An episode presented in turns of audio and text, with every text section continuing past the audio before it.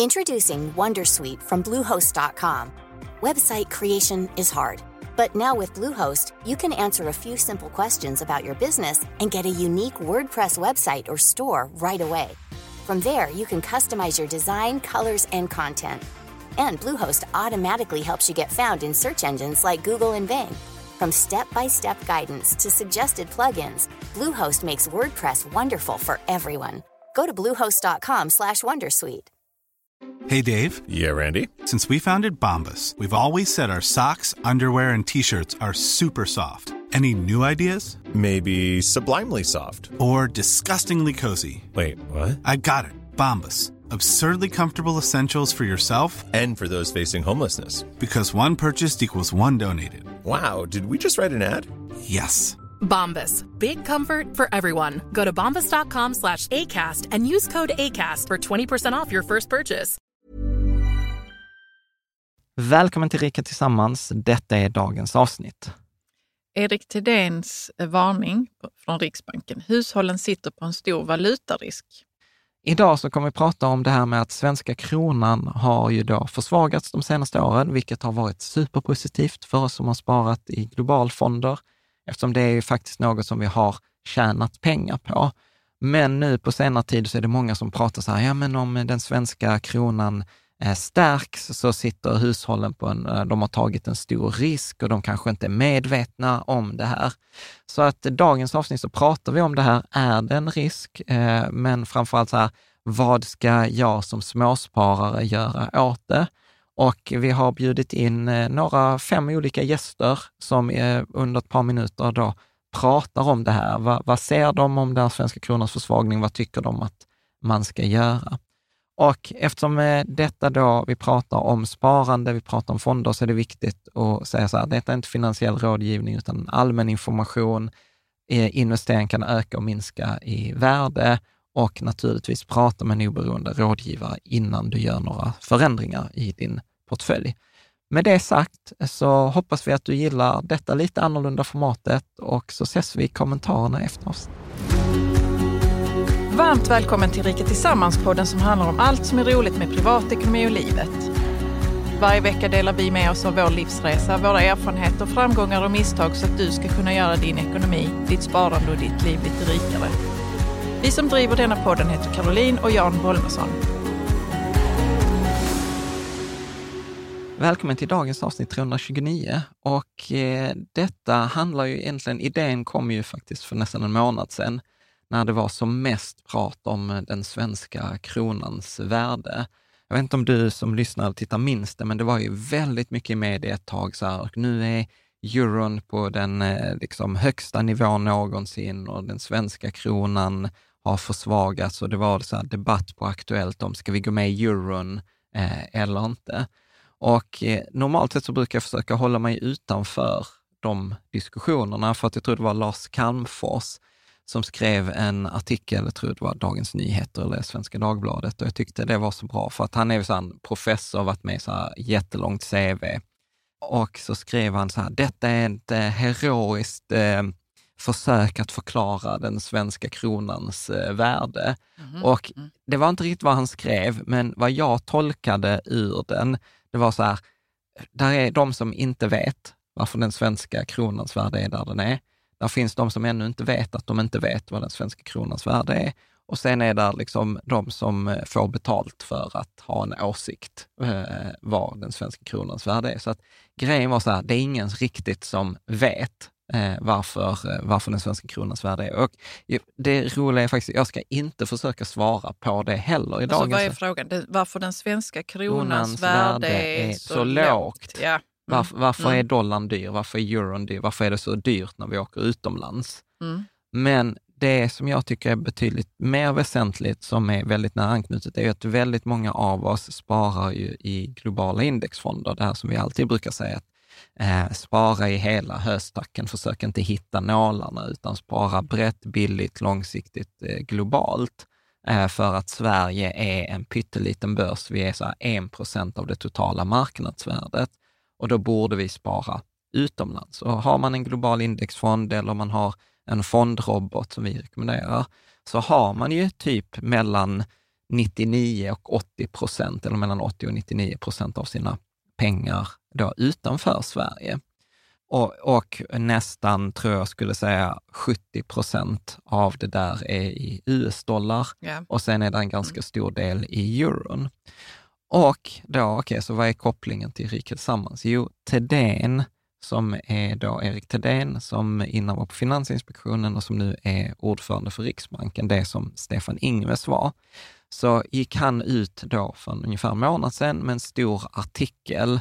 Eh, Det var både i Dagens Industri och i Affärsvärlden och SVT och massa andra ställen, där det var så här, Thedéens varning, hushållen sitter på en stor eh, valutarisk. Så att jag tänkte jag skulle läsa några av de här sakerna som står i den här artikeln och varför detta är då eh, relevant. För, Håller du med om det? Ja, om men- valutarisken? ja, men eller vi kan, ska vi ta det sen? vi, vi, vi tar det sen så att vi Mm. har liksom jag vet problematiseringen. inte ens vad det är för valutarisk Nej, ex- nej, men, nej men exakt, och det är det som jag tror att vi ska, vi ska gå igenom, eller som jag har förberett här. Ja. Och då, ifrån, då är det lite lösryckta citat från den här Affärsvärlden-intervjun, Mm. där Erik Thedéen och eh, Kristin Magnusson Bernard, eh, som är vd på Första AP-fonden, alltså det här pensionssparandet, så var, jag tror att de hade på Handelshögskolan ett, ett seminarium eh, där det citeras från och då säger han så här, att svenska hus, så, du kan ju läsa citatet här.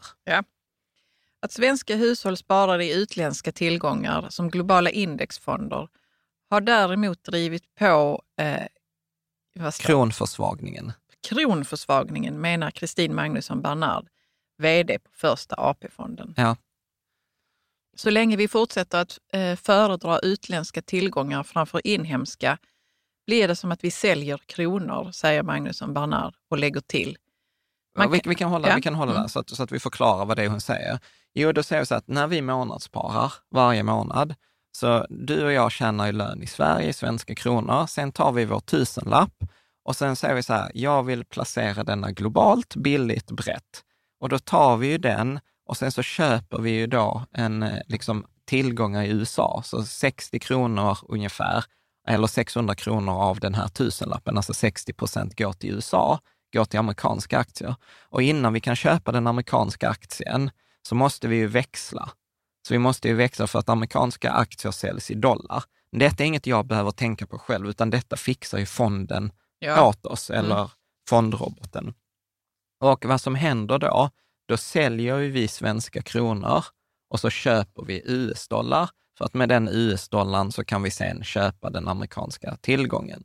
Och, och som i all annan ekonomi, tillgång och efterfrågan, det som säljs mycket, det faller i pris och det som efterfrågas mycket ökar i, i värde. Men Ja. därför ökar, Ja. då säger hon så här, att så många av oss som sparar i globala indexfonder, när vi säljer svenska kronor och köper äh, liksom amerikanska tillgångar, då bidrar vi till kronförsvagningen. Mm. det är en ja, men effekt. det är, låter helt logiskt ju. Ja. Ja. Eh, bra. Och det är inte bara privatsparande, detta gör ju AP-fonderna också. Mm. Okej. Eh, och så lägger hon till då. Man kan säga att man diversifierar sin portfölj genom att ha sin inkomst i kronor, lånar i kronor och placerar i utländska tillgångar. Jag recenserar inte det här beståndet, för det har funkat väldigt bra för hushållen. För vad jag tolkar då att hon menar, Mm. detta, har, ju- alltså detta har ju varit så ganska avancerad och briljant strategi om man hade gjort detta med flit. Men vi gör ju inte detta med flit, för att vad vi gör då, det är ju så här, vi säljer kronor och så får vi de här dollarna och sen så har vi vår tillgång och när vi äger då den här, eh, till exempel då Tesla-aktien i ditt fall som du gillar, så har vi ju att aktien rör sig i värde, men eftersom den är denominerad i dollar, den handlas i dollar, så har vi även valutasvängningen ovanpå. Ovanpå det, ja. Ovanpå, Mm. ovanpå. Så att Mm. det kan vara så att om vi säger att, att eh, du köper din Tesla-aktie för 100, för 100 dollar och sen går den upp med 10 dollar i värde, 10 procent, så är den 110. Då har du tjänat 10 procent. Men även om vi säger att Tesla-aktien inte hade rört sig allt, den hade varit helt flat. Alltså från 1 januari till 31 december har varit bara 100 kronor. Den har inte rört sig upp eller ner. Men om dollarn, då alltså svenska kronan, försvagas mot dollarn med 20 procent, då kommer ju dollarn öka i värde och eftersom du eh, håller då den här Tesla-aktien i dollar så har ju du vid en kronförsvagning tjänat då 20 procent, trots att Tesla-aktien inte har rört sig alls. Ja, jag fattar. Är det? Ja, ja, ja, jag fattar det. Men jag Ja. har ju hela tiden trott att vi kommer att prata om att vi får mindre för våra pengar. Ja, ja, om vi bor i Sverige, svensk krona. Och det är ju detta som hon säger, jag recenserar inte detta, bes, detta beslutet, för det briljanta effekten som har varit hittills är ju så här, vilken valuta har du och jag våra lån i? Eh, Svenska kronor. Svenska kronor. Så Ja. vi har, tagit en, vi har tagit en svensk krona, köpt dollar, dollarn har ökat i värde, vi har haft kvar våra lån i svenska kronor. Mm. Så detta har ju gjort oss rikare. Är ni med? Att, eh, Men har det det egentligen? För vi får ju mindre för våra svenska kronor. Eh, även om vi skulle eh, handla dollar för dem. Alltså, förstår du vad jag menar? Alltså, ja, ja, ja, vi får men, ju men, mindre ja, dollar. men, ja, men precis. Men om du har ägt en massa, alltså om du har en miljon ja, eh, liksom sen tidigare i den här dollarn och sen du sparar in för tusen kronor, ja, Ja. du, får, ju- du får betala mer för, Just du, nu ja, för samma Mm. antal dollar. Mm. Men eftersom du har din stora förmögenhetsmassa i dollar så har du tjänat mer ja. än det du ja, förlorar. ja, över tid i alla fall. Ja. Mm. Okej, Mm.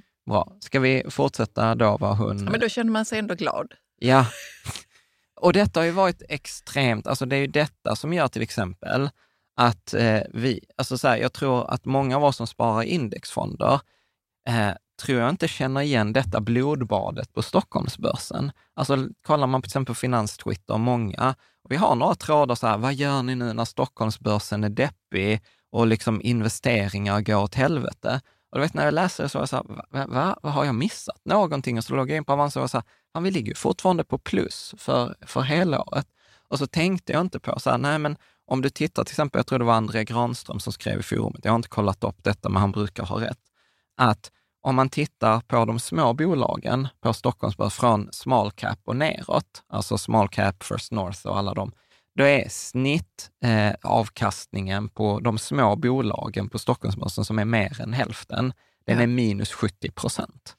Alltså- Okej, ja, det känns ju som ett blodbad, Ja. absolut. Eh, och nu tror jag till och med, och vi har varit rädd, räddade av de stora bolagen och vi har varit räddade de senaste två åren av att eh, då svenska kronan har försvagats och vi som har placerat i, i globala indexfonder, vi har ju tjänat på den där kronförsvagningen, så att vi ligger ju ändå på plus. Och så att vi har kanske inte ens märkt att ja, men USA har gått dåligt för att vi har fått att USA gått liksom positivt, kanske inte så bra som så här, men vi har dessutom fått den här valutaeffekten på toppen. Ja. Är, är du med på, Ja. på, på det där? Mm. Ja, så, så att vi kan fortsätta. Då, då var frågan från journalisten så här, är hushållen sårbara om kronkursen vänder? Eh, Då svarar hon, ja, men å andra sidan måste man ju fundera på under vilka omständigheter det skulle ske. Det vi kan förvänta oss är att vi, eh, är att vi går in i en period av relativ dollarsvaghet mot slutet av den penningpolitiska cykeln, säger Magnusson Bernhard. Ja, och sen kan du fortsätta då och sen kommer då Erik Thedéen in. Mm. Om kronan börjar förstärkas kan, eh, kan det vara hushållen som inser att de sitter på en ganska stor valutarisk, säger Erik Thedéen. Ja, och sen fortsätter han. Vi har ingen prognos, men om man tittar historiskt så ser man att det kan gå snabbt. Ja, och sen så tar vi eh, liksom här att han, Ja. Thedéens valutavarning till hushållen låter så här, det kan gå snabbt. Ja. Han befarar att det i så fall kan bli ett bittert uppvaknande för spararna. Hushållen har en betydande valutaexponering, både via sitt PPM-sparande och via vanliga aktiefonder. ja. Så vad han säger, och Mm. vilket han har eh, rätt Jag ska bara i. säga att jag älskar att du, att du behöver översätta Ja. de här konversationerna för oss. Ja, För, för de flesta förstår kanske inte... Alltså man måste ju ändå vara ganska intresserad. ja, ja, jag vet inte. Ja, Ja, men det tror jag faktiskt verkligen, Jan. Så Ja. man behöver vara intresserad av ekonomi och ha liksom lite bakgrund och ja, man förkunskap behöver, man behöver för att fatta vad det är de säger. Ja, någonting. precis. Så Mm. kon- kontextuellt. Eh. Precis. Och, okay. och, och det var ju detta som fångade mitt intresse, Mm. eh, just den här meningen. Hushållen har en betydande valutaexponering, både via sitt PPM som har sina vanliga aktiefonder, eller vad de menar ofta är så här, ja, att det är lite så här, ja men globalfonder. Sen sen måste man också då hålla i minne, alla människor driver sin egen agenda. Ja, ja, E- Erik Thedéen var, gick ju också ut och sa så här, ja nu köper Riksbanken, vi ska sälja av eh, då för 100 miljarder kronor, att de tycker att, liksom att Sverige har en valutareserv. Sverige har ju andra valutor och så har de sålt av dem för att om de säljer av dollar, då blir det motsatt effekt. Då köper de kronor. Om det köps Ja. plötsligt 100 miljarder kronor så kommer det bli en efterfrågan på svenska kronor och så ska svenska kronan då, allt annat lika då, öka i värde och dollarn ska minska i värde. Och vad är det som är Riks, vad är det som är Thedéens arbetsuppgift högst upp på Thedéens eh, arbetslista? Liksom? Då är det ju att han ska hålla inflationen i schack. Han är chef för Riksbanken, vi har en hög inflation, han måste få ner. Så Thedéen bryr sig egentligen inte så mycket om hushållen, utan hans sätt, hans mål är att få ner inflationen och det och hans problem har ju varit så här att den svenska kronan är svag och om den svenska kronan är svag, då vill man liksom jobba med räntan, men räntan motverkar eh, det här med, med liksom kronans värde. Så han kan liksom inte göra, han kan inte fixa inflationen för då sabbar han valutan. Så därför försöker han gå ut och kommunicera på ett sådant sätt så att inflationen liksom sänks. Men en bieffekt av detta kan ju då bli, okej, att vi som investerar i de här globala indexfonderna, det som vi har tjänat de senaste två åren på att den svenska kronan har försvagats, för då har vi ju fått avkastningen från aktierna plus värdeökningen i dollar. Mm. Om det blir tvärtom, så kommer ju vi då som äger en global indexfond förlora motsvarande om svenska kronan stärks med eh, 20 procent och till exempel den eh, amerikanska börsen går plus minus noll, då kommer vi ju backa 20 procent i svenska kronor. Är du med? Vi, eh, Vi, vi som har... äh, de globalfonderna, för Ja, de precis, handlas ja. ju till stor del i dollar. Så om kronan stärks Mm. så kommer vi förlora pengar. Kommer vi ens se det? Ja, vi kommer se det på vårt konto genom att det står så här minus 20 procent. Ja. För, för återigen, hundralappen som vi hade innan, alltså detta går, valutan går åt båda hållen. Så innan så sa vi så här, när kronan försvagas och Tesla-aktien är 100, om kronan försvagas med 20 procent, då kommer vi ju nu få 120 kronor för våra 100 dollar. ja, visst. visst. Ja. Mm. Om, på motsatt sätt, om kronan stärks med 20 procent mot dollarn, så kommer jag för mina 100 dollar nu bara få 80 kronor. Ja, jag förstår. Är du med? Och det är detta som då är valutarisk. Ja, som han då varnar för. Att okej, hushållen har i sitt sparande en valutaexponering, både i PPM för att 5 miljoner svenskar har AP7, eh, som är det som vi brukar säga är det absolut bästa allt- valet man kan göra i premiepensionen. Det är det man får om man inte har gjort något val och det är det som med hästlängder har slagit liksom snittet för de aktivt förvaltade fonderna.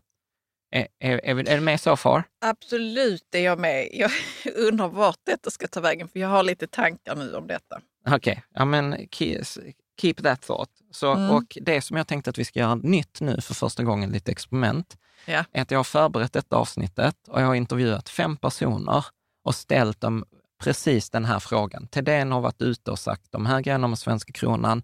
Vad anser du? Vad tycker du om det här? Och framför allt den relevanta frågan, vad ska jag göra åt detta som småsparare? Ska jag sälja av mina globala indexfonder? Ska jag exponera mer mot Sverige? Eller ska jag bara liksom så skita i vad Thedéen och, och eh, de här Ingrid Berntsson, Bernard eller vad, vad de är, Ja, vad hon de säger. väl inte Ingrid? Ja. Jo, hon hette väl Ingrid? Ja, det kanske hon gjorde. Jag Ja. känner inte igen namnet. Okej, så att jag tänker så här att du som lyssnar också, du kommer få liksom höra den här eh, intervjun som jag har gjort med de här fem personerna. Det är ett par minuter per person. Mm. Så jag tänker att vi, vi, vi ser då, vi, kom, vi kommer börja med Peter Bergman på Captor, som är räntehandlare. Så att de jobbar ju med valuta, med att investera i räntefonder. Det är de som står bakom Captor Iris, Captor Astor. Vi har haft dem som gäst, Ja, han och. Daniel Karlgren. Ja. Och, eh, och sen så pausar jag, tänker jag, så pratar vi om det. Sen tar vi nästa klipp, pratar om det. Och så, Mm. ser, så blir det inte bara så här, vad tycker vi att man ska göra? Men fem eh, blandade. Ja, vad personer. spännande Jan. Mycket bra. Så vi, vi testar här. Jag tänker, nej men som du själv säger, vi har ju pratat om det ganska länge, att vi ser en jättestor risk i, um, i den svenska sparmarknaden eftersom vi har ändå så under, under hela den sista 20 åren så har ju sparandet alltmer blivit var mans eget, eh, eget uppdrag så att säga. Man, man har inte eh, livbolagen, man har inte, företagen betalar inte pensioner till de anställda utan man får pengar som man själv ska placera, både på PPM-pengar och sen ofta har man ju tjänstepension och så har man sitt eget sparande och då har ju, har ju eh, sparkollektivet alltmer blivit eh, väldigt mycket aktierisk.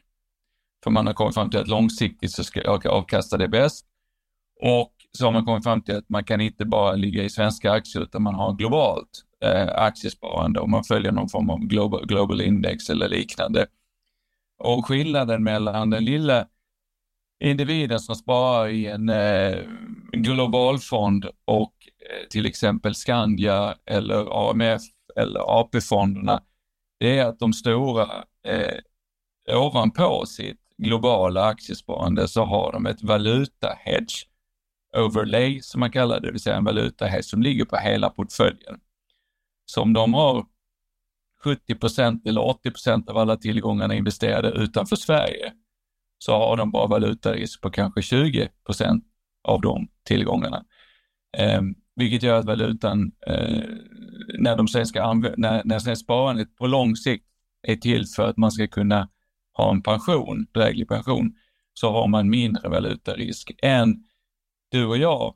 Jan, när vi sparar på, eh, på en global aktiefond så har vi i princip 100 procent av vårt sparande med full valutarisk, för vi har en väldigt liten del av vårt sparande i svenska kronor.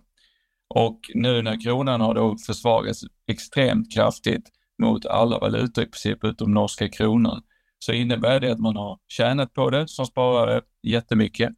Men det innebär också att om, om valutakurserna över tid går upp och ner, vilket de gör, så sitter man ju med en risk att dollarn går tillbaka till 8 kronor och euron går tillbaka till 9 säger vi, så är det i procentuella termer en ganska stor förändring av värdet på pensionen eller värdet på sparandet i svenska kronor. Valutor svänger fram och tillbaka, det beror på många olika saker. Men eh, det som vi har sett ända sedan mitten på 80-talet, det är ju faktiskt att dollarn har varit i princip uppe runt 10 däröver och nere runt 6 flera gånger.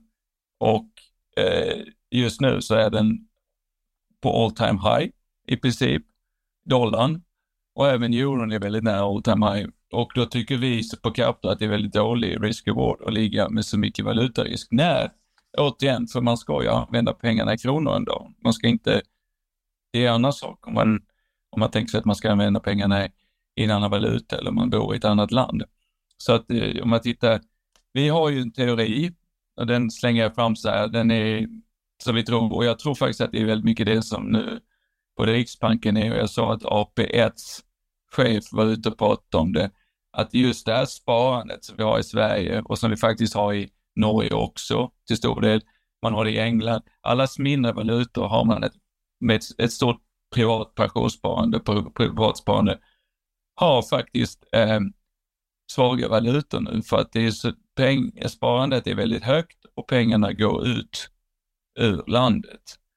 Jag har inte räknat på det, men varje månad i Sverige så så har ju folk sitt månadssparande och det innebär att man köper aktier i främmande valutor.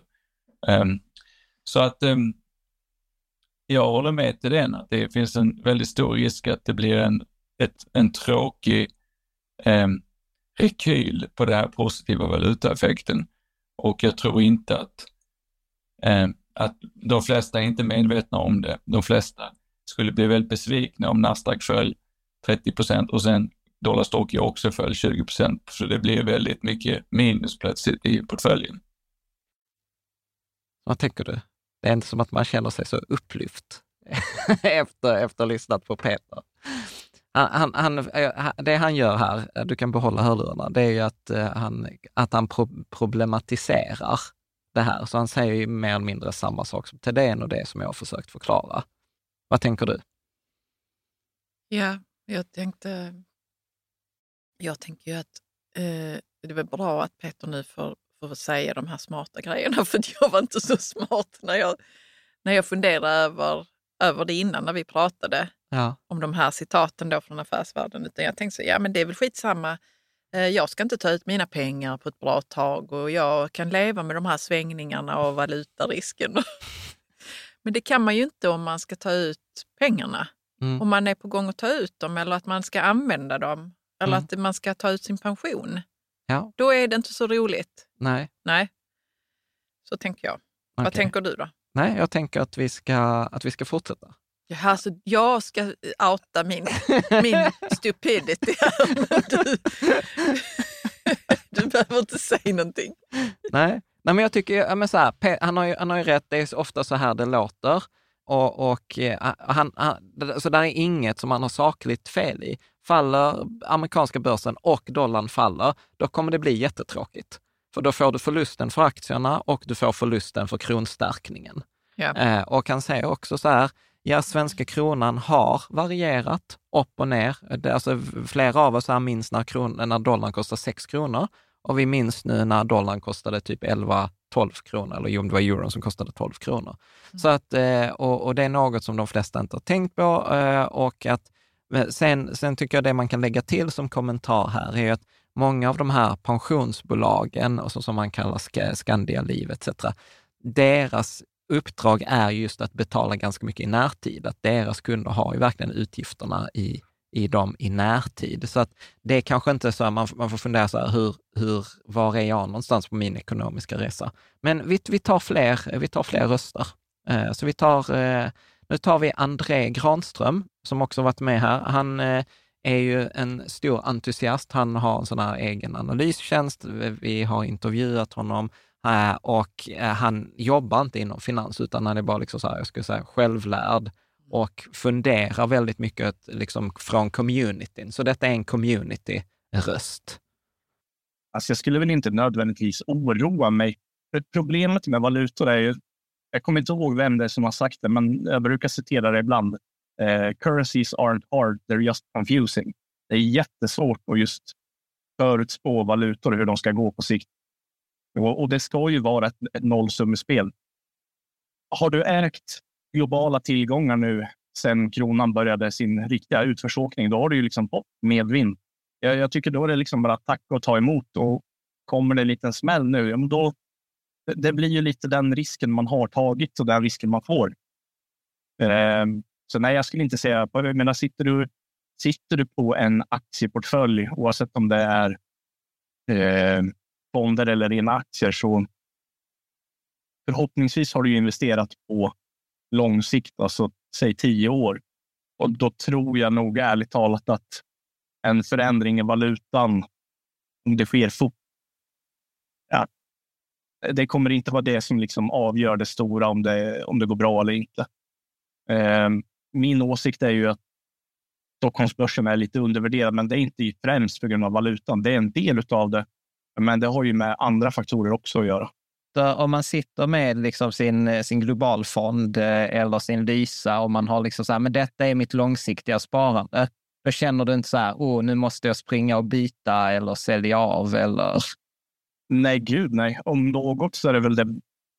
Alltså det är väl det vanligaste misstaget man ser på börsen. Alltså när man börjar känna den där paniken och börjar göra beslut för att man känner någon form av stress. Det är då det går riktigt illa. Utan då är det bättre att ta det lite lugnt och fundera själv på liksom vad man vill göra.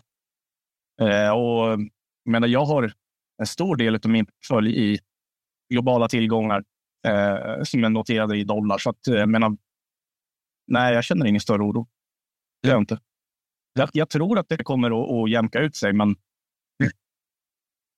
jag menar, framtiden är lite för osäker. Globala indexfonder är bra att ha i portföljen. Lättskrivet. Vad tänker du när du hör André? Men det var väl kanske så jag också tänkte. Att jag sitter ju här och jag behöver inte bry mig om de här, den här valutarisken eller liksom det som händer egentligen på börsen. För jag, är ju, jag ska ju spara långsiktigt. Mm. Så att jag, har, jag är inte rädd för det. Liksom. Mm. Och det måste ju ha hänt tidigare. Att Ja. vi har haft eh, alltså vi har olika haft, scenarion. i, åt samma håll. Liksom. Ja, ja, men det, det är ju det jag menar. Svenska kronan har ju varierat mellan, mellan 6 och 12 kronor. Den går ju liksom upp och ner kring, Mm. kring det där. Och, och det som vi är oroliga för nu, det är ju att den är ju i den ena extremen. Och när vi tittar på sådana här grafer som till exempel, ja men du vet 100 kronor investerade i aktier 1970 fram till idag, det har ökat, vad var det, 160 gånger. Ja, då är det ju inräknat. Alla de här... Eh, Att valutan ökar och minskar eh, i, i Mm. värde. Men jag tänker att André säger inte så mycket om de här som har sin pension eh, med den här valutarisken. Och Mm. att man kanske ska ta ut pengarna. Absolut. Alltså jag tror också det, han tänker inte så mycket på det. Ungefär som jag tänker inte, tänkte inte på det förrän ja, eh, Captor eh, Peter. Peter berörde det. Ja. Men då kommer vi också in på något annat. Om det är så att du ska ta ut dina pengar inom två år, då ska du inte ha dem i aktier överhuvudtaget.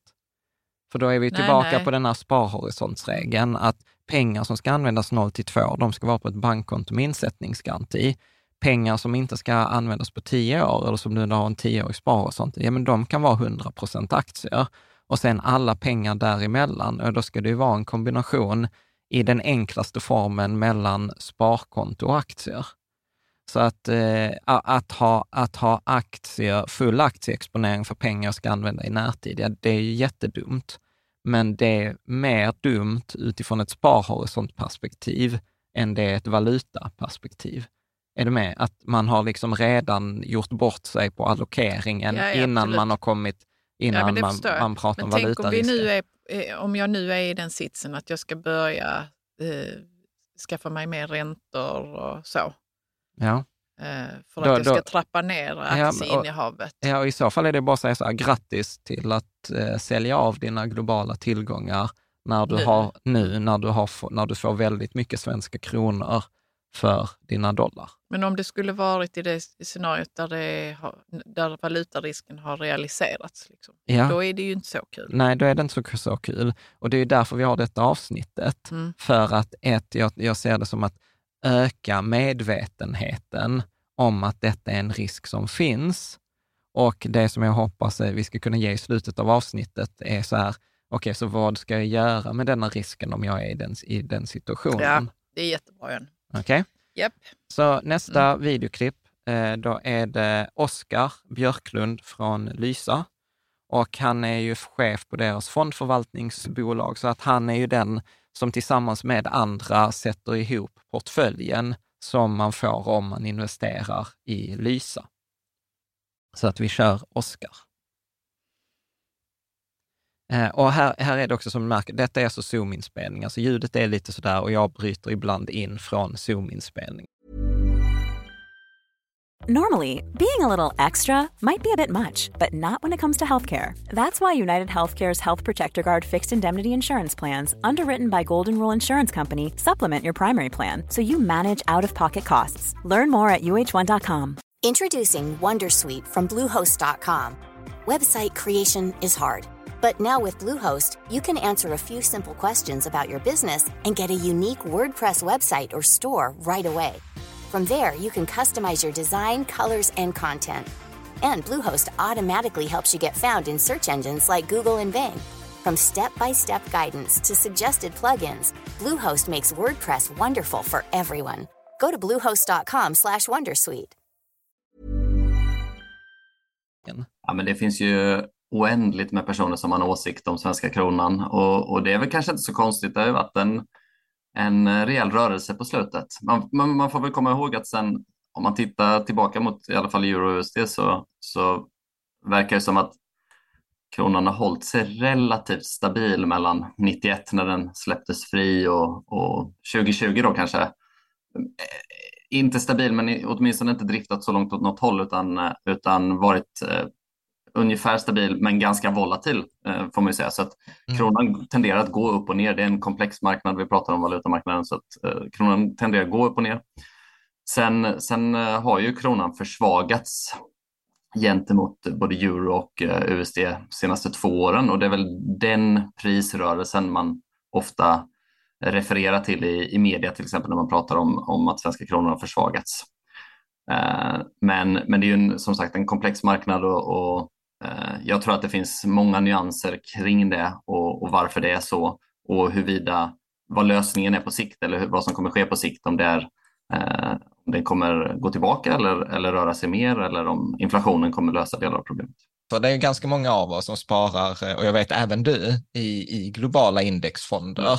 Och eh, nu har vi ju haft, liksom, nu har vi ju tjänat på det de senaste två åren av att sitta och ha liksom, våra besparingar i utländska kronor. Men ska man oroa sig extra mycket nu? Alltså, eller eh, är det så här, ja, vad tänker du? Jag tänker att eh, det har ju varit toppen att man har tjänat lite på det eh, de senaste två åren. Det kan mycket väl vara så att man kommer tjäna lite på det de kommande två åren också. Eh, men det skulle också kunna vara så att eh, det ger en liten negativ utveckling eller en, en, en, eh, ja, delvis betydande negativ utveckling under en period eh, i förhållande till ut, utländska placeringar. Då. Eh, Sen ska man ha med sig att den, den, stora drivaren på sikt för värdet på sina ut, eh, liksom placeringar i utländska aktier kommer ju vara aktievärdet eftersom valutor har ju ingen förväntad positiv eller negativ avkastning utan de, de rör sig främst baserat på, på utbud och efterfrågan huruvida en valuta ses som ett bra betal och sparinstrument. Eh, så att, så att jag tror att att lägga om sin strategi bara för att man har haft medvind i två år det tror inte jag på, utan jag tror att man ska fortsätta hålla sin strategi och så kommer, kommer det där lösa sig över tid. Att under perioder kommer man tjäna lite extra på kronans rörelser och under perioder kommer man eh, tjäna lite mindre på grund av kronans rörelse. Mm. Kan Men, du säga, kan du säga... är ändå att man ska få en positiv avkastning från aktieinvesteringar i, i andra länder. Mm. Men kan du säga någonting mer om det där att den förväntade väntevärdet på valutan är noll? Alltså, Ja, exakt. Så, så valuta är ju ingen tillgång som genererar ett kassaflöde så som, en, som, en, eh, som ett bolag. Ett bolag genererar ju utdelning över tid och ett räntebärande instrument eh, genererar kupongbetalningar och, och återbetalning av, av nominal över tid. Valutan genererar ju inget eh, inneboende värde utan det, det reflekterar ju bara hur väl marknaden eller hur, hur marknaden prisar eh, liksom varor och tjänster i ett land kontra ett annat. Eh, man kan använda sig av det här Big Mac-indexet, det är ju ganska populärt för att jämföra. Eh, men så är enligt, enligt Big Mac-indexet just nu så är ju svenska kronan snarare övervärderad än undervärderad. Vi är topp sex dyraste Big Macs i världen. Eh, vilket, vilket talar för att det finns andra krafter i bakgrunden här som, som kommer påverka växelkursen framgent. Mm.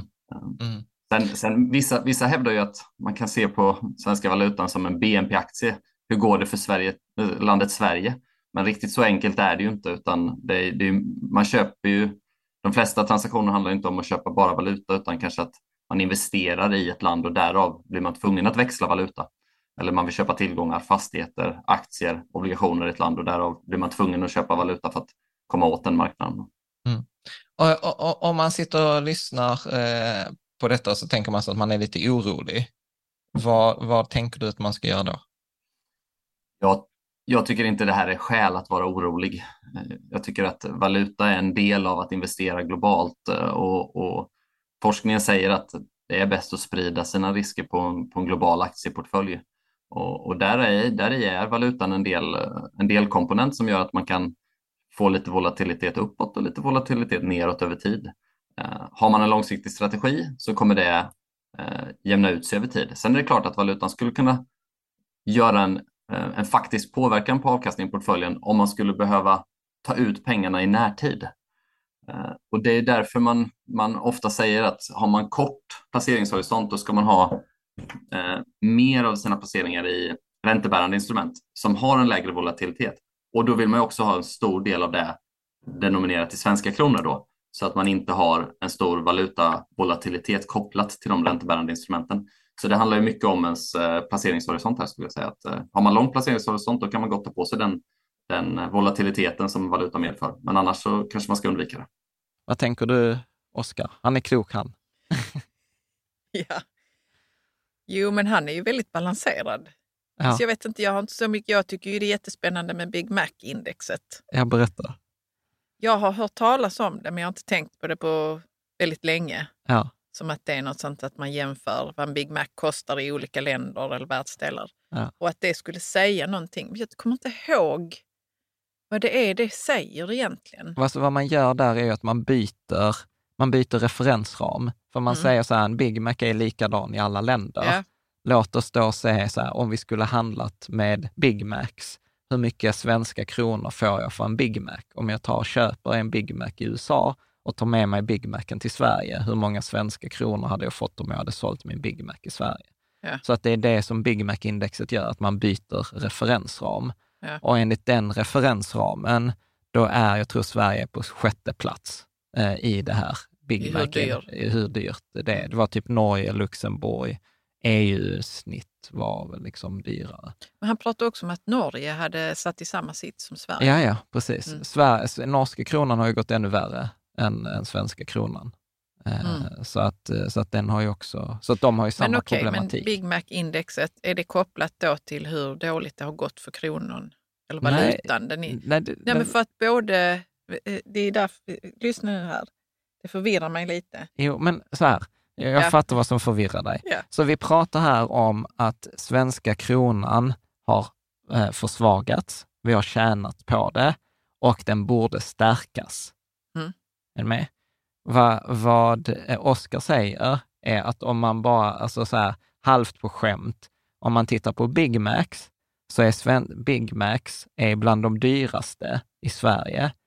Så att, och, dyraste i världen. eller förlåt, dyrast i världen. Ja. Och då enligt, om man skulle utgå från Big Mac-indexet, då är det ju konstigt att den svenska kronan skulle stärkas, för då skulle ju den bli ännu dyrare. ja, exakt. Ja. Mm. Så, så han, säger så att det, det beror på lite, nu, nu överdrivs för att då tänker man så här, ja men så här Riksbanken versus Big Mac-index. Men jag tror att det var på det här seminariet som det här Big Mac-indexet kom upp. Men, men det bara visar att ståendes på olika ställen så kan man säga så att det är inte, vad, vad han säger är så här, det är inte alls säkert att den svenska kronan ska stärkas. Nej, och sen så sa han väl också att det är mycket annat som finns bakom Exakt. det här Big Mac-indexet. Ja, och liksom Och så att man kan inte bara säga så här, Ja. men det är valutan som spelar roll för den.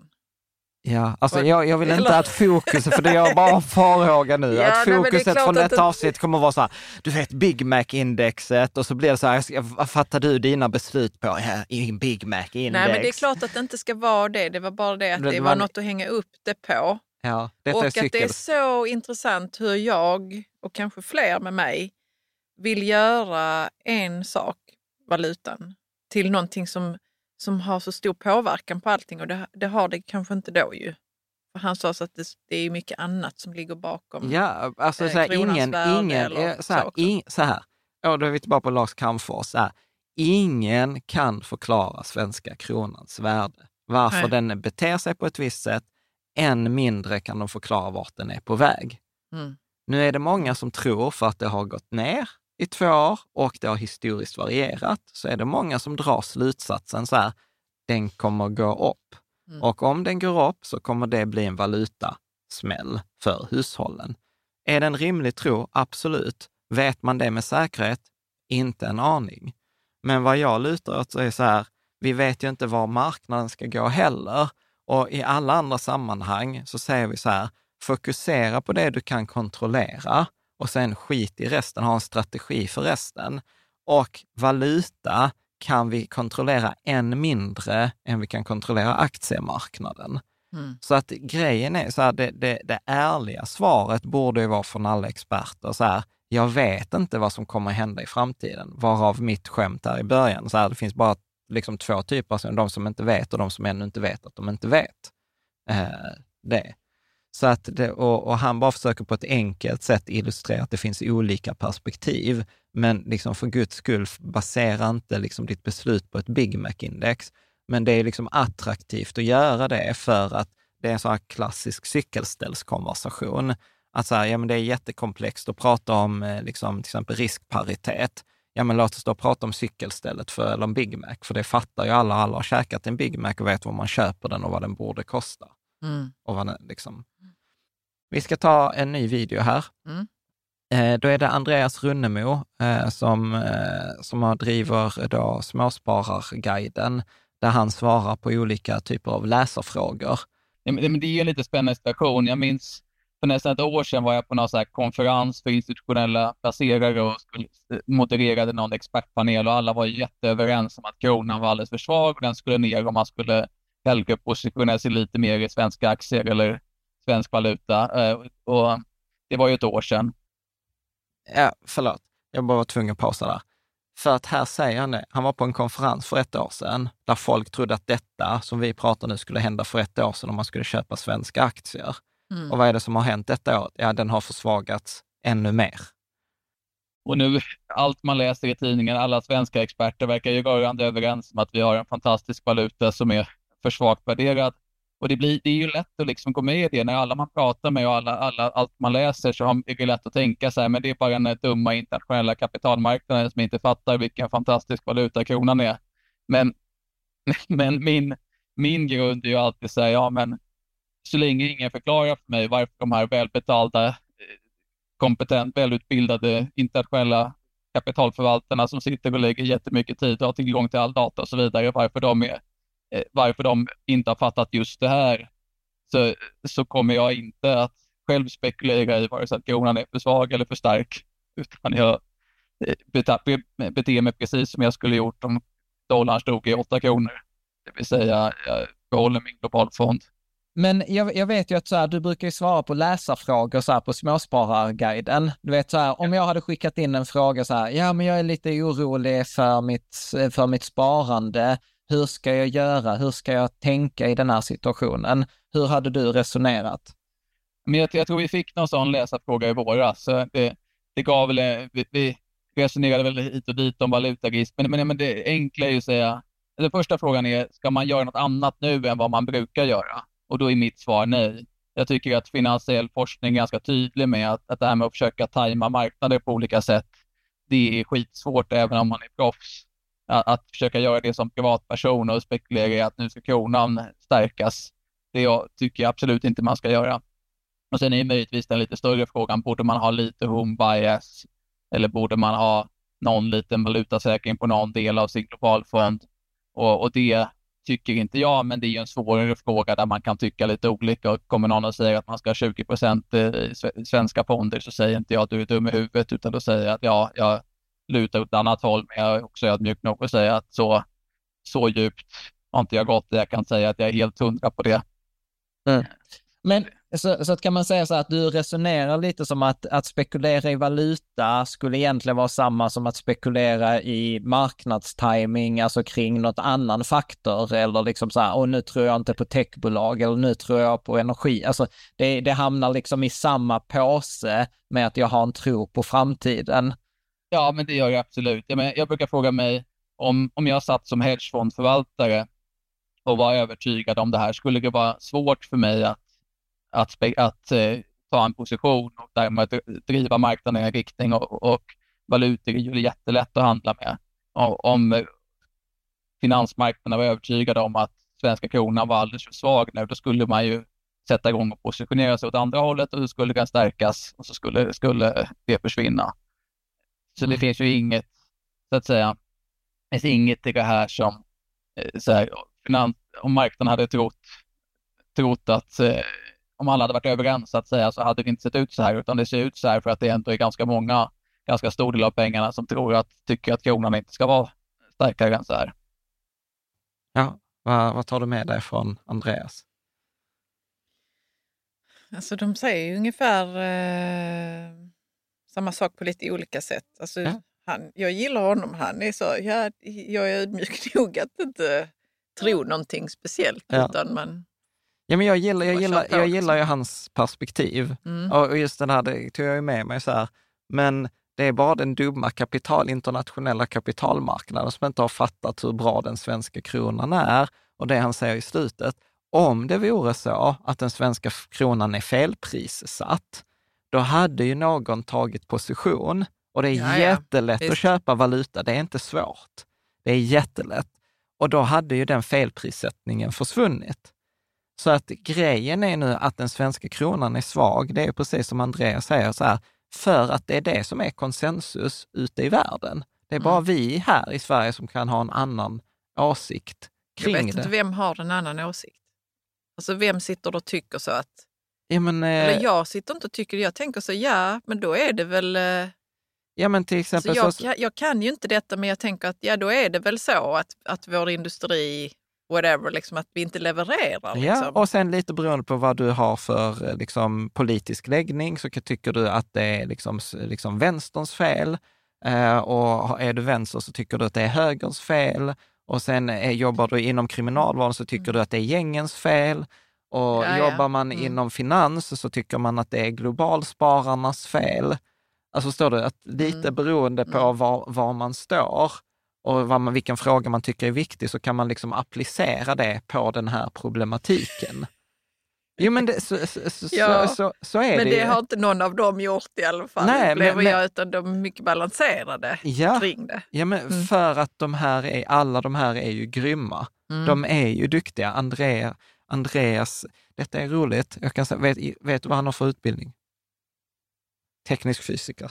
Mm. Jag var bara tvungen att säga Du det. var bara tvungen att Jag, säga det. jag tycker det är ganska roligt för att Men vi- jag har hört att man bara lallar runt på den här teknisk fysikutbildningen.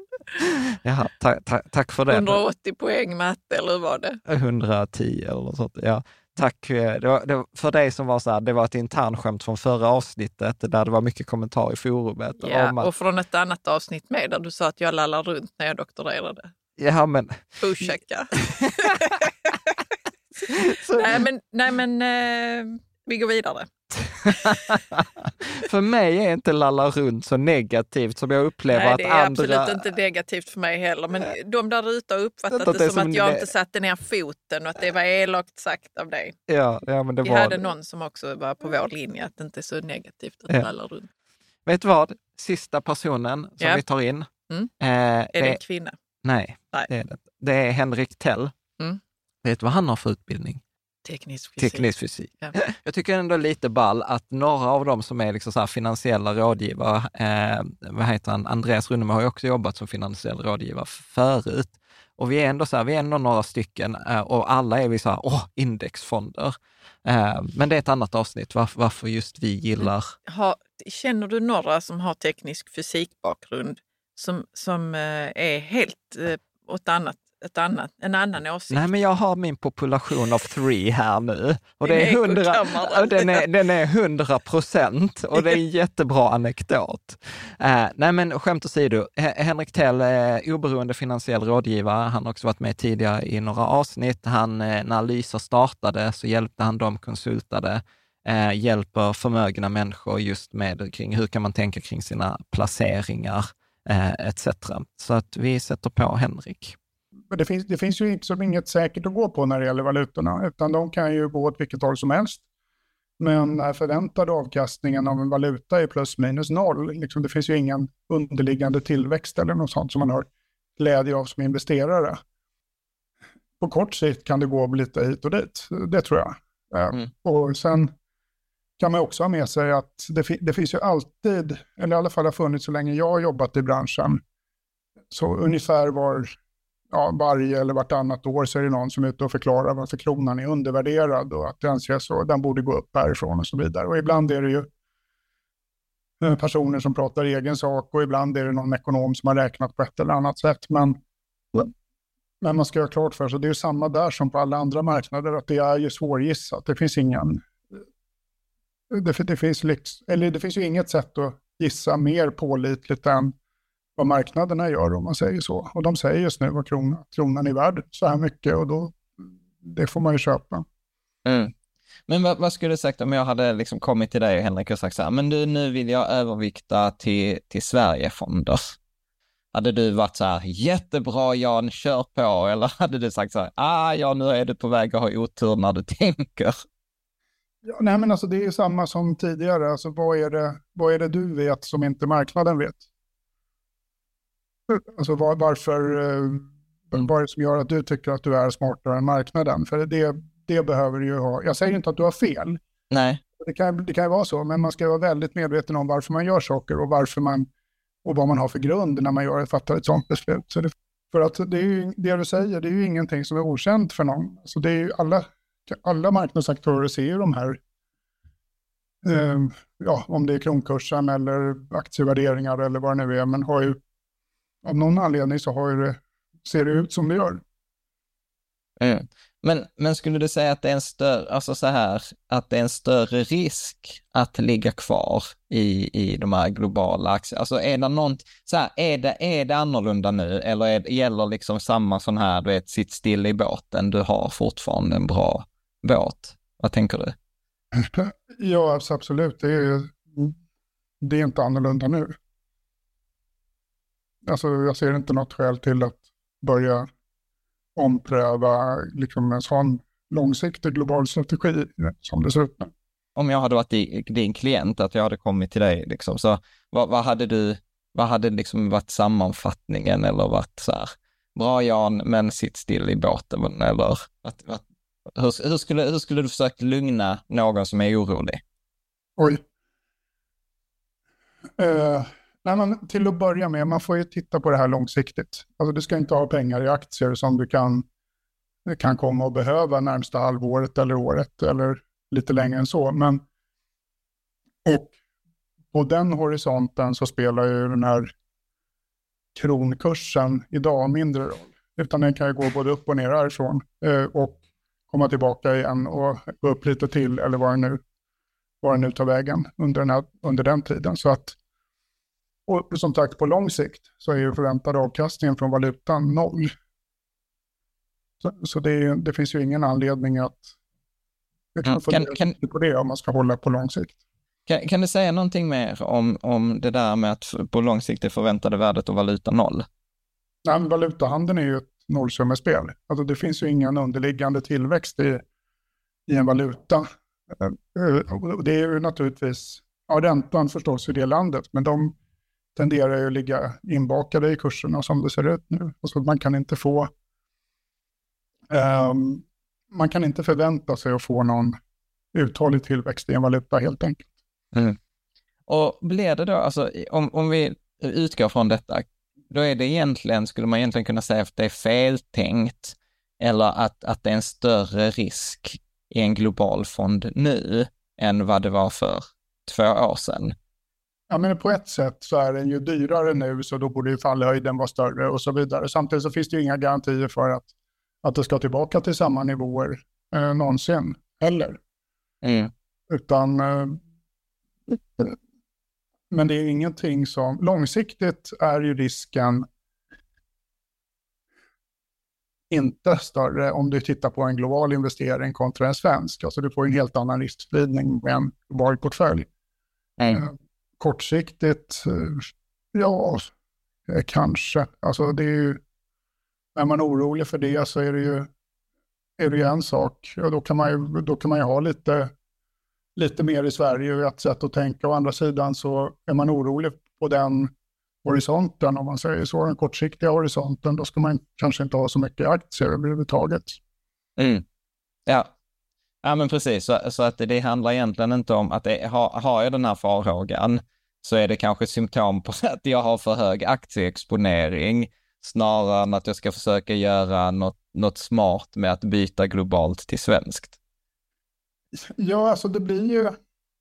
Det kan man, man ska ju fundera, den, eller fundera på det sättet tror jag och ställa sig den frågan i alla fall. Men, men eh, annars så handlar det om att eh, du tror att du kan göra en bättre bedömning än marknaderna, vilka, vilka aktiemarknader som kommer gå bättre eller sämre den närmsta tiden. Och det, det finns det ju inget pålitligt sätt att göra.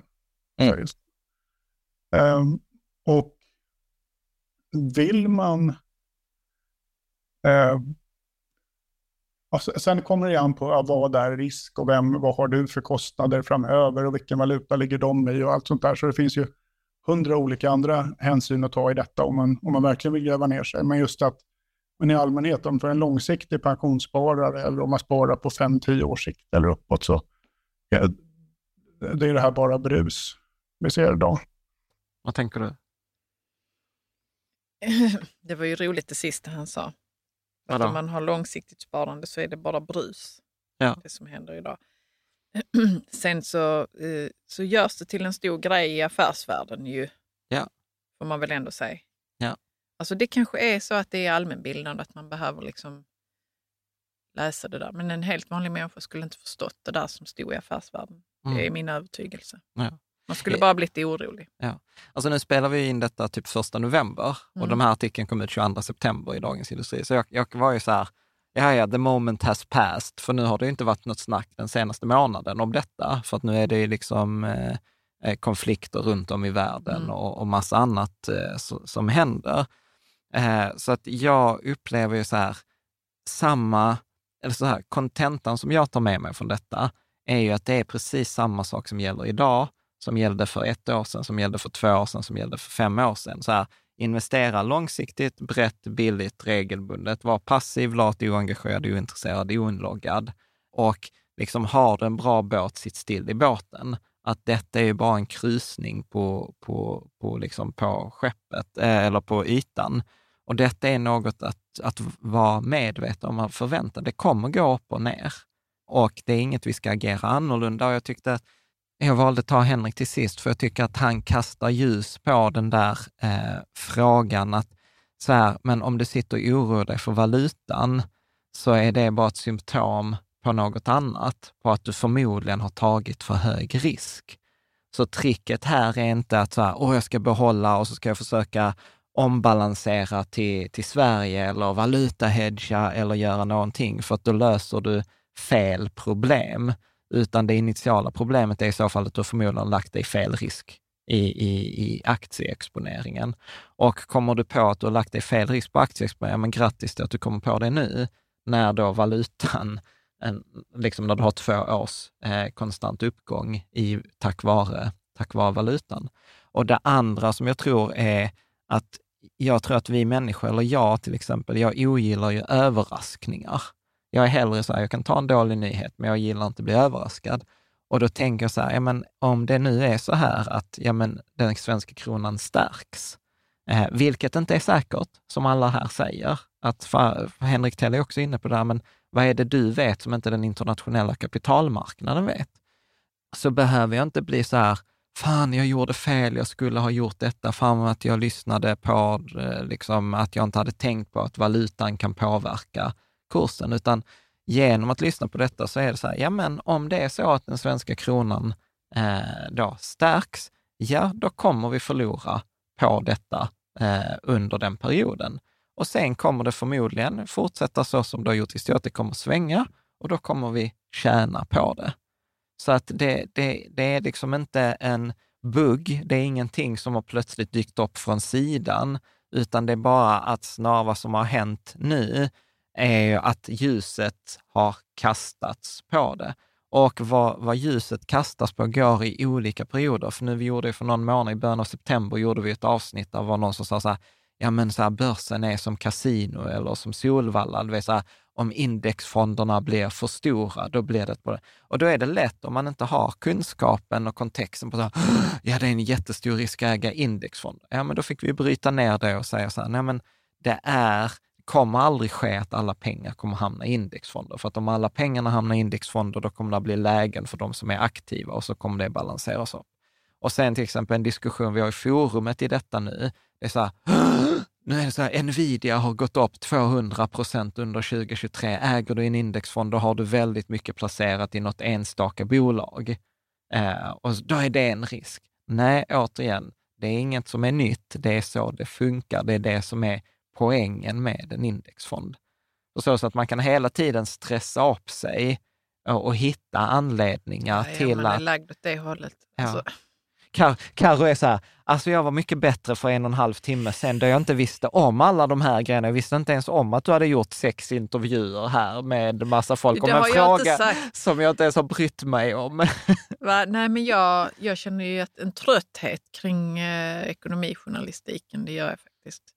Ja. Samtidigt som jag fattar att det liksom behövs liksom bevakning på alla möjliga håll och, och ställen och sånt. Men det är ju liksom som att jag behöver inte bry mig om 95 procent av det som står i, Nej, i, inte i, eh, i ja, inte bara affärsvärlden, men kanske alla de tidningarna. Liksom. Ja, ja exakt. exakt. Det är liksom bara underhållning egentligen. Det är som när jag går in på en nyhetssajt. Jag vill bli underhållen. Ja. Det är inte som att jag vill få nya saker att oroa mig för. Men oj, det fick jag! Ja. Det är liksom... Ja, men det är precis. Och det är det jag, jag, tycker, jag tycker Henrik Tell avslutar det så bra. Han sa det är bara brus. Ja. Men, men jag menar så här, jag kan vara medveten om det, för om jag är medveten om detta, som vi har pratat nu förhoppningsvis detta avsnittet, så kan man avfärda det som, som brus. Ja, Mm. där är en risk. Så Mm. som Peter från Captor pratar, så som Thedéen säger. Bra, men bara för att det är en risk behöver jag agera på det. För jag upplever så här, alla vi hade säger ju exakt samma sak. Jag kan säga att jag hade några till som inte fick, jag hade intervjuat Rickard Nylund också, han fick inte komma med idag, och, och några till. Men, men det är liksom same, same. Men, men om vi ska, om, om vi ska runda av det, vad, vad, vad tar du med dig från dagens avsnitt? Att de var väl ganska balanserade tycker jag. Att de pratar om att man, ingen kan veta liksom hur det ska gå upp eller ner eller vilken valutarisk, hur stor den är. Liksom. Och de flesta sa så, är man långsiktig så behöver man inte bry sig om att, alltså man behöver inte oroa sig. Mm. Mm. Ja, men precis. Nej, men jag, tar, jag, jag håller med. Jag tar med mig där. Just keep buying. Sitt still i båten om du har en bra båt. Ställ dig rätt fråga. Om jag är orolig för massa saker, hur ska börsen gå? Nu har den gått upp mycket, nu har den gått ner. Tänk om det, liksom, det snarare är ett symptom på något annat. Att jag sitter i fel risk istället för att försöka kompensera det. Och sen lite som André brukar säga, som han inte sa i detta klippet, så här, ska du synda, synda lite. Så till exempel jag gör ju så att jag nysparar kanske lite mer i svenska börsen nu. Ja, men Mhm, det känns, du? lite, ja, men det känns lite bättre.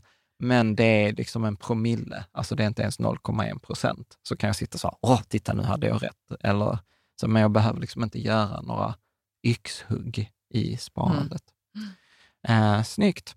Nej, men jag, så tänker jag så att vi avslutar också med att säga ett stort tack till dig som har lyssnat. Tack till dig som stödjer oss på Patreon, som gör detta möjligt, att vi kan ta de här tiden, göra de här intervjuerna, klippa ihop det eh, och prata. Det gör stor, eh, stor skillnad. Och tack Eh, till de fem som ville svara ju. Ja, men Ja. såklart. Tack till då Peter Bergman på Captar, André Granström, VQM eh, Consulting, Oskar Björklund på Lysa, Andreas Runnemo på Småsparguiden och Henrik Tell på Effektiv förmögenhetsförvaltning. Mm. Och det kan också då sägas bara för sakens skull, ingen har fått betalt eh, och varken vi, jag eller, eller vi eller dem. Eh, och sen tänker jag alltid så här, om man vill gå vidare och lyssna på ett annat avsnitt eh, kring det här, så avsnitt 99, där pratar vi mycket om forskningen. Mm. Vi har avsnitten också länkar här under till de här Just Keep Buying avsnitten som jag skulle nog säga är väldigt, eh, väldigt bra på, på det ämnet. Så ett stort tack och så tänker jag att vi ses nästa vecka.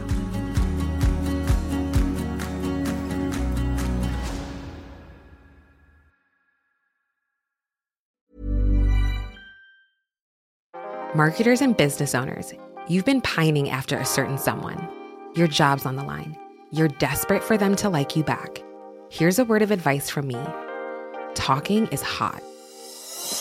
Just you and them, finally alone, like us two right now. Maybe under the duvet, headphones on, one on one. Podcast advertising is proven to be one of the best ways to catch their attention. So surprise them while they're tuned in, while the moment's right. Say a line or two that really gets them going. Next time, if you want to win over your special someone and build some brand love, experiment with something new. Just focus on your voice. Advertise on more than 100,000 podcast shows with ACAST. Head to go.acast.com slash closer to get started.